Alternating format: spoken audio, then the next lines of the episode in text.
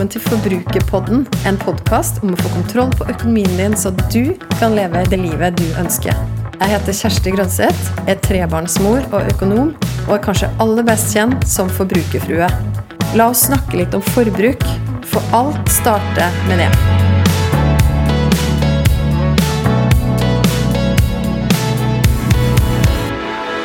Hvis du er blant den heldigste 1% av menneskeheten, skylder du resten å tenke på de resterende 99% Det her har Warren Buffett, en av verdens mest kjente investorer, sagt. Veit du egentlig hvor høy nettoverdien din må være for at du skal være blant verdens 1% rikeste? Global Wealth Report er en rapport som publiseres av forskningsinstituttet til Credit Suisse, en velkjent sveitsisk bank, hvert år i slutten av oktober. Den definerer rikdom som nettoverdi. Du vet det du får når du summerer alt du eier av en viss verdi, som penger på bankkonto, penger i aksjefond og bolig, og trekker fra all gjeld. Da får du nettoverdien din. Har du en netto nettoverdi på mer enn 10 000 amerikanske dollar, dvs. Si litt over 90 000 norske kroner, er du rikere enn 56,6% av verdens befolkning. Har du en nettoverdi på mer enn 100 000 dollar eller 900 000 kroner, er du blant de 10% rikeste i verden. Og hvis du har 1 million dollar eller 9 millioner norske kroner, er du innafor 1% verdens aller rikeste. Når jeg regner ut min nettverdi, med min andel av bufferkontoen vår, aksjefondene våre og boligen, og trekker fra min andel av boliglånet og mitt eget studielån, får jeg en nettoverdi på over 2,5 millioner norske kroner. Plutselig ble det helt vilt å tenke på at jeg er godt innafor å være blant de 10% rikeste i verden. Warren Buffett, som i dag er verdens sjuende rikeste basert på nettoverdi, grunna for ti år siden sammen med Bill Gates det de kalte The Giving Pledge, en forpliktelse fra mer enn 100 milliardærer i USA, inkludert han sjøl, om å gi bort minst halvparten av sin formue til veldedige formål i løpet av sin levetid. Ok, du som hører på er mest sannsynlig ikke i den gjengen, så hva har det her med oss å gjøre? Det som er Warren Buffett sitt poeng, er at uavhengig av inntektsnivå, eller nettoverdi, er det å gi tilbake til samfunnet det som får verden til å gå framover. Dessuten sier jo forskning at vi kan få et bedre liv sjøl gjennom å være sjenerøse, uavhengig av beløp. I denne episoden her så har jeg lyst til å snakke om hvordan vi sammen kan gjøre verden litt bedre. Og apropos det med forskninga, det her har jeg jo snakka litt om før. Jeg kan annet anbefale deg å høre på episoden med Siri Abrahamsen som heter 'Slik blir du rik og lykkelig', som også handler om å gi. Men la meg gi deg litt mer kjøtt på beina på denne forskningen. Jeg skal ta, ta deg gjennom tre punkter. For det første, det å gi får deg til å føle deg bra, som igjen øker din egen lykke. Det var en Harvard Business School-studie fra 2008 som slo fast at mennesker blir lykkeligere av å bruke penger på andre enn på seg sjøl. I studien var det 632 amerikanere som ble spurt om hvor mye de tjente årlig, hvor mye de hadde i månedlige levekostnader og egne lommepenger, hva de brukte på det, og hvor mye de brukte på gaver til andre, og hvor mye de ga til ideelle organisasjoner. De ble også bedt om å angi sitt eget nivå av lykke, de som brukte mer penger på andre, rapporterte faktisk et høyere lykkenivå. Og hvor mye de brukte på seg sjøl, hadde ingen påvirkning på lykke. Tenk det! En annen studie fant at når vi gir til ideelle organisasjoner, så aktiveres de områdene i hjernen som er kobla til tilfredsstillelse og glede. Det å kjenne kobling og relasjon til andre mennesker, og tillit. Og det skaper en varm glødeffekt. Den varme følelsen du får når du gir noen en gave. Oi, oi, oi. Bare for den følelsen i seg sjøl må det være verdt å gi. Punkt nummer to. Forskning sier at du får bedre helse av å gi. Det fins en bok som heter Why Good Things Happen to Good People, skrevet av en medisinprofessor. Jeg har ikke lest boka sjøl, men den hevder at det å være sjenerøs, tett kobla til redusert risiko for sykdom og lavere sannsynlighet for å bli deprimert. Studier forfatterne har gjennomført, viser at en som er engasjert i frivillighetsarbeid som tenåring, vil se helsefordeler av det her 60-70 år seinere. Andre studier har også vist at mennesker som gir penger, har lavere nivå av kortisol, også kjent som stresshormoner. På den andre sida, folk som tviholdt på sine egne penger, de skamma seg egentlig over å være gjerrige, som førte til høyere kortisolnivå. Mer stress, altså. Punkt nummer tre. Forskning viser også at det du gir, kan få store ringvirkninger. Fordi det å gi, det er smittsomt. Når du gir, så er sannsynligheten stor for at det inspirerer noen andre til å gi, som igjen inspirerer noen andre. Som igjen inspirerer, ja, du skjønner tegninga. En studie fant at en sjenerøs handling fra én person kan skape ringer i vannet av sjenerøse handlinger fra mange mot ulike mennesker. Og det betyr at hver eneste person i et gitt nettverk kan påvirke flere titalls eller hundretalls mennesker, til og med mennesker de ikke kjenner eller aldri har møtt. Jeg snakker mye om å gi. For meg er det en helt naturlig og selvfølgelig del av det jeg kaller en sunn økonomi. En sunn økonomi som er bærekraftig for deg og din familie, som kan gi ringer i vannet for generasjonene etter deg, men som også har kraften i seg til å forandre verden. For meg starter det med det jeg kaller kakemodellen, hvor hele kaka Se for deg en kake nå. Den representerer nettoinntekten din, dvs. Si alt du får inn i lønn på konto hver eneste måned. Denne kaka består av fem kakestykker, som igjen representerer prioriteringa i økonomien din. Kakestykkene i min kake heter leve, nyte, drømme, gi og sikre. Leve og nyte, det er forbruket ditt. Drømme er sparing. Gi og sikre er det du kan se på som investering. Ja, du hørte riktig, jeg ser faktisk på det å gi som en investering. Det var litt rart å høre fra en økonom, tenker du kanskje. Eller er det så rart, når vi her snakker om å kunne oppnå avkastning i form av økt lykke og bedre helse? Noe som mest sannsynlig øker mulighetene mine til å skape mer verdi, og gjennom det tjene mer penger. Dessuten vet jo selv en økonom at ikke alt i livet kan måles i kroner og øre, og at det å f.eks. ha innflytelse og kunne skape ringer i vannet, kan være vel så mye verdt som økonomisk avkastning. Noen av de fineste tilbakemeldingene jeg får fra dere, er når dere har skjønt den samme greia. Karolin skrev til meg. Tusen takk for at du la ut din kakemodell. Den gi-kontoen har gjort at jeg kan være mer raus i hverdagen. Gi til minnefond som erkeengler, og til kreftpasienter som trenger støtte, sykehusklovner osv. Og, så og ellers gi små overraskelser til de jeg er glad i. Og da jeg spurte hun om å få lese opp denne tilbakemeldinga i denne episoden, så svarte hun at selvfølgelig, og gi-kontoen har blitt min yndlingskonto, sier Karolin. Det syns jeg er helt fantastisk å høre. Hvis du har snakk, hørt meg snakke om kontofest tidligere, er det her magien skjer. Det er her pengene fordeles hver eneste måned, fra masterkontoen, hvor lønna mi kommer inn, til de ulike kontoene jeg har satt opp faste overføringer til. I vår familie har vi valgt å gi 10% av det vi får inn på konto hver eneste måned. Deler av dette beløpet går fra regningskontoen som faste trekk til ideelle organisasjoner vi tror på, én i Norge og én i Uganda. I tillegg har vi en egen konto som vi har kalt Gjøre verden litt bedre. Hit overfører vi et fast beløp hver eneste måned. Og ifølge kontoutskriften har vi så langt i år fått bruke de pengene her på å overraske en vennefamilie som fikk sykdom i familien, med lunsj da de var innlagt på sykehuset. Vi ga et beløp til en vi kjenner som akkurat hadde gjennomgått et samlivsbrudd, og som trengte en skikkelig oppmuntring. Og vi ga penger til Dråpen i havet, som er til stede i flere flyktningleirer i Hellas den morgenen etter at det brant i Moria-leiren.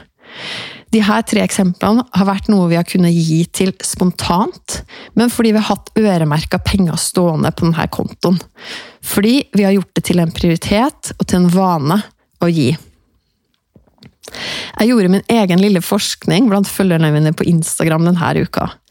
Det første spørsmålet jeg stilte, var hvor mange av dere som gir fast av den månedlige inntekten deres? Og av 957 personer som svarte, sa 58% ja og 42% nei. For meg var det faktisk en overraskende høy andel som sa ja, over halvparten, og veldig inspirerende. 298 av dere som sa ja, har faste ting dere gir til, eller en kombinasjon av fast og spontant.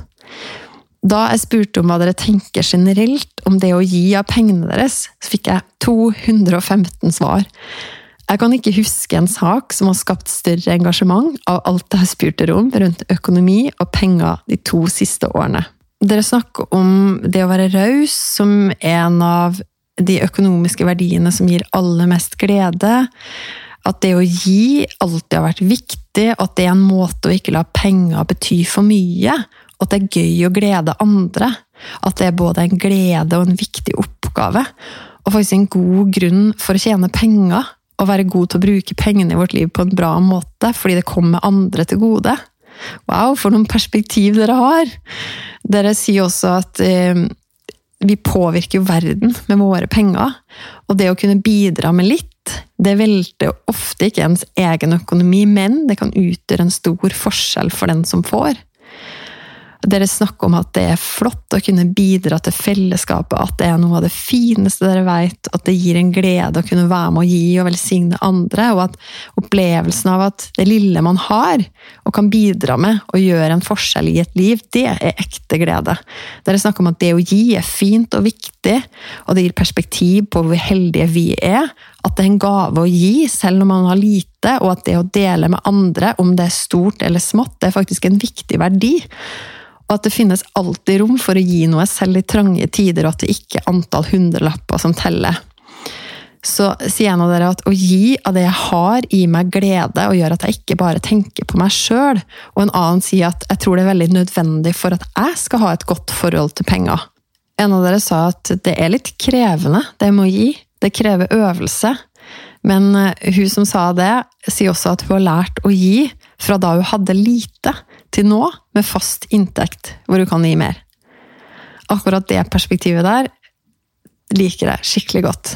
Jeg tror det handler om nettopp det. da. Hvis det er noe som er viktig for deg, hvis det å gi er noe som er viktig for deg, ikke vent til du får mer penger. Start nå. Start med det du har. Ta utgangspunkt i det du har.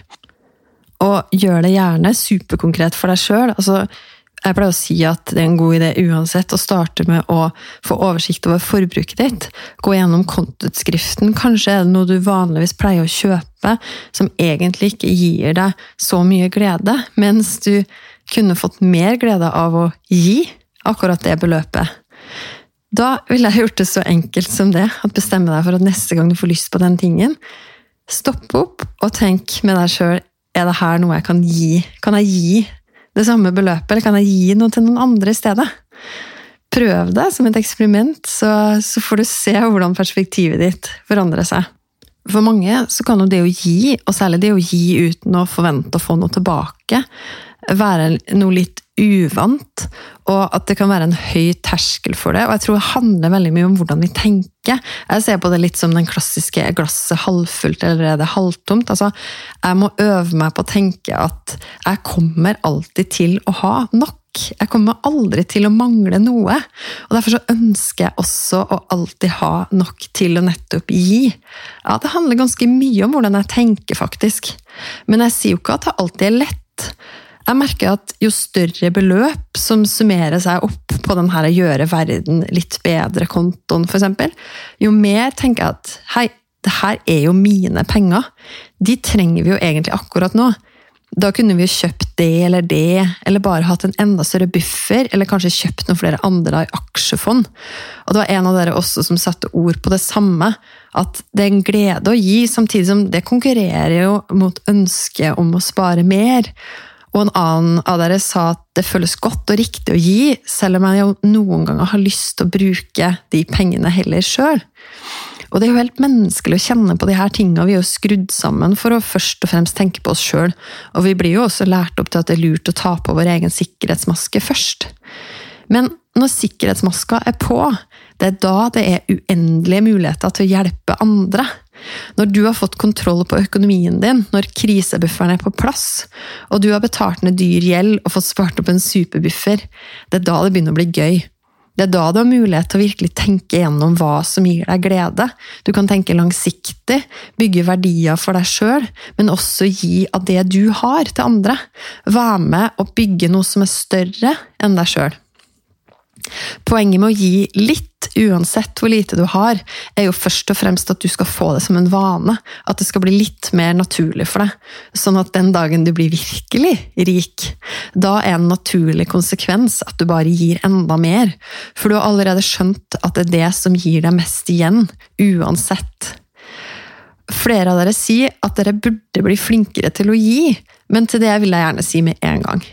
Legg, vi legger den død. Det her er ikke et område du trenger å ha dårlig samvittighet på. Det er ikke det vi snakker om her.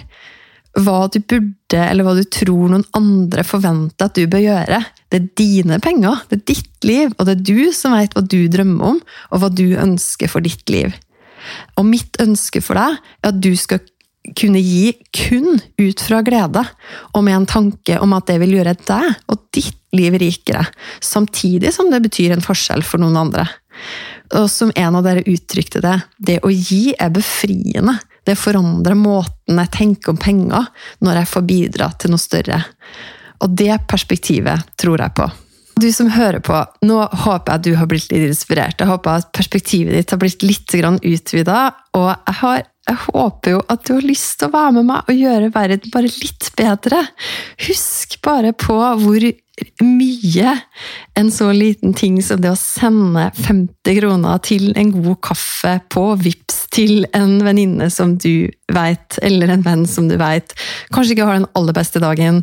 Hvor mye det kan bety. Jeg gjør det ofte sjøl, faktisk også for å kurere, for å snu en dårlig dag jeg har, få fokus over på den andre. Mannen min har begynt å gjøre det til sine kollegaer, så yes, det her smitte. Godhet er smittsomt. Det å gi er smittsomt. Så la oss sammen bare gjøre verden litt bedre. Jeg digger at du hører på Forbrukerpodden. Jeg digger at du er med og nettopp gjør verden litt bedre, bare fordi du er du. Og så vil jeg gjerne koble med deg, så send meg en melding når du har hørt episoden.